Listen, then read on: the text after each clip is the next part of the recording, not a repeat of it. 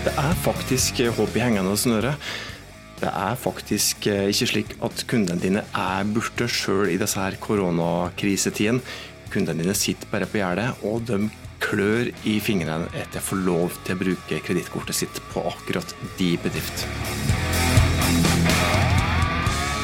Hei, jeg heter Tormod Sperstad. Dette er podkasten der du får nyttige tips til hvordan du kan nå de målene som du har satt deg for de bedrift. Supert at du hører på, forresten. Sett ordentlig pris på det. Det er jo slik at eh, de siste episodene våre nå, de har handla om eh, koronapandemien, om eh, koronakrisa. Hvis du er litt lei den type prat, så må jeg nok skuffe deg, for at vi skal prate om deg i dag med. I innspillende stund så er vi da i slutten av mars 2020, og det er verre enn det det noen gang har vært. Altså Første, første koronaepisoden vår den var jo da den ja, 11. mars, tror jeg. Og nå er vi da på den fjorde koronaepisoden. På, på, langt onde en måned, altså. Og Grunnen til at vi skal prate om dette her i dag òg, det er rett og slett for å gi deg litt inspirasjon og motivasjon til å fortsette å kjempe. For at jeg kan love deg, det er faktisk eh, lys i tunnelen. Eller det er faktisk eh, ikke bare i enden av tunnelen, men det er faktisk et lite lysglimt inne i selve tunnelen nå, faktisk. Og det har jeg bevis på. Det er det som jeg skal prate om i dagens podkastepisode. Rett og slett peptalk. Jeg skal gi deg inspirasjon.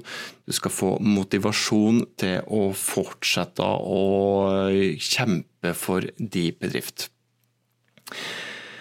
For det er faktisk slik at det er håp i hengende snøre. Denne tida som vi er inne i nå, er så absolutt ikke den tida altså Er det en gang der du ikke skal høre på fjellvettregelen om å grove det ned i tide, så er det nå, altså. Eh, for den fungerer så absolutt ikke. Ja, jeg ser at det er utrolig mange bedrifter som nærmest har, har gitt opp. De har stengt absolutt alle kraner. De bruker ikke et eneste minutt på markedsføring, de bruker ikke eneste krone på markedsføring.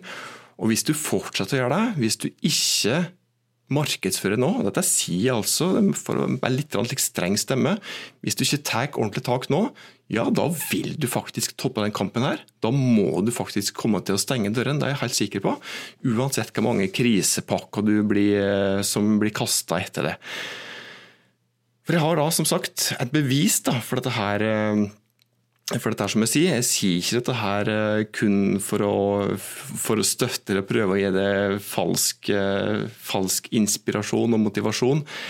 Jeg har faktisk bevis for dette her, som jeg sier.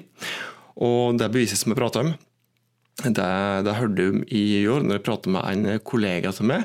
Det er slik at oss, eh, I byrået der jeg jobber, så har oss, i byrået vårt så har oss en kunde som da er et et eh, norsk bookingselskap som da, som da har eh, som selger overnatting da, til et stort norsk eh, turiststed. Og de må ha jo for så vidt merka litt slik nedgang og turbulens. Det er selvsagt, altså Vintersesongen 2020 er jo da tapt, i hvert fall den etterjulssesongen. da. Så er det vel håpet på at det skal gå litt bedre til, til høstsesongen igjen. Men sist helg Altså, da prata vi sist helg, og ei helg er jo da tross alt bare to dager. Da skal jeg ta meg litt av fredagen og så er det maks på tre dager. Eh, men sist helg så solgte det bookingselskapet overnattinger for 350 000 norske kroner. Og det var kun til det norske Nei, kun til det danske markedet, sorry. Altså, de solgte sist helg overnatting for 350 000 norske kroner kun til det danske markedet. Ja, eh, spesielt eh, forrige uke, sist helg, så til dels nå, så var det en ganske spesiell situasjon eh, med tanke på den svake krona. Så kronekursen spiller selvsagt inn der. Men likevel dette her betyr jo da faktisk én ting. Det betyr at kunden ikke er borte. Dette betyr bare at kunden sitter på gjerdet og gleder seg til dette her er over, og de er faktisk villige til å bruke penger på opplevelser. Eh, ting som de eh, kan eh, få med seg, plasser de kan reise til og slik, når alt dette her er over, når ting har normalisert seg. 350 000 kroner altså, norske kroner, kun til det danske markedet på ei helg til neste, til neste, neste høst- og vintersesong. Eh, og når jeg da går litt eh, i dybde på dette her, da, eh, når jeg hørte dette her, så gikk jo Så jeg hadde jo sett at trendlinja hadde gått litt opp for, for bookinga.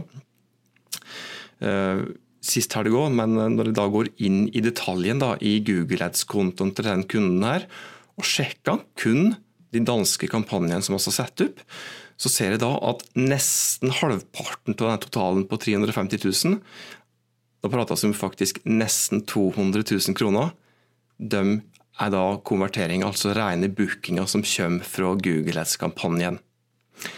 Så nesten halvparten, eller blir faktisk over halvparten, da med nesten 200 000 kroner. Nesten 200, kroner, nesten 200 000 kroner fra de bookingene til det danske markedet, de kom da fra, fra Google Ads.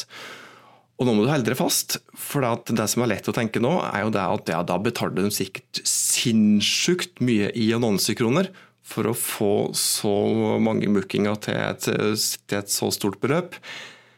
Og nei, når jeg da grev enda dypere ned i tallet i Google Ads-kontoen til den kunden her, så ser jeg det at den totale ad-spenden, altså det annonseforbruket som de hadde for å få bookinger for nesten 200 000 kroner, det var på 2848 kroner.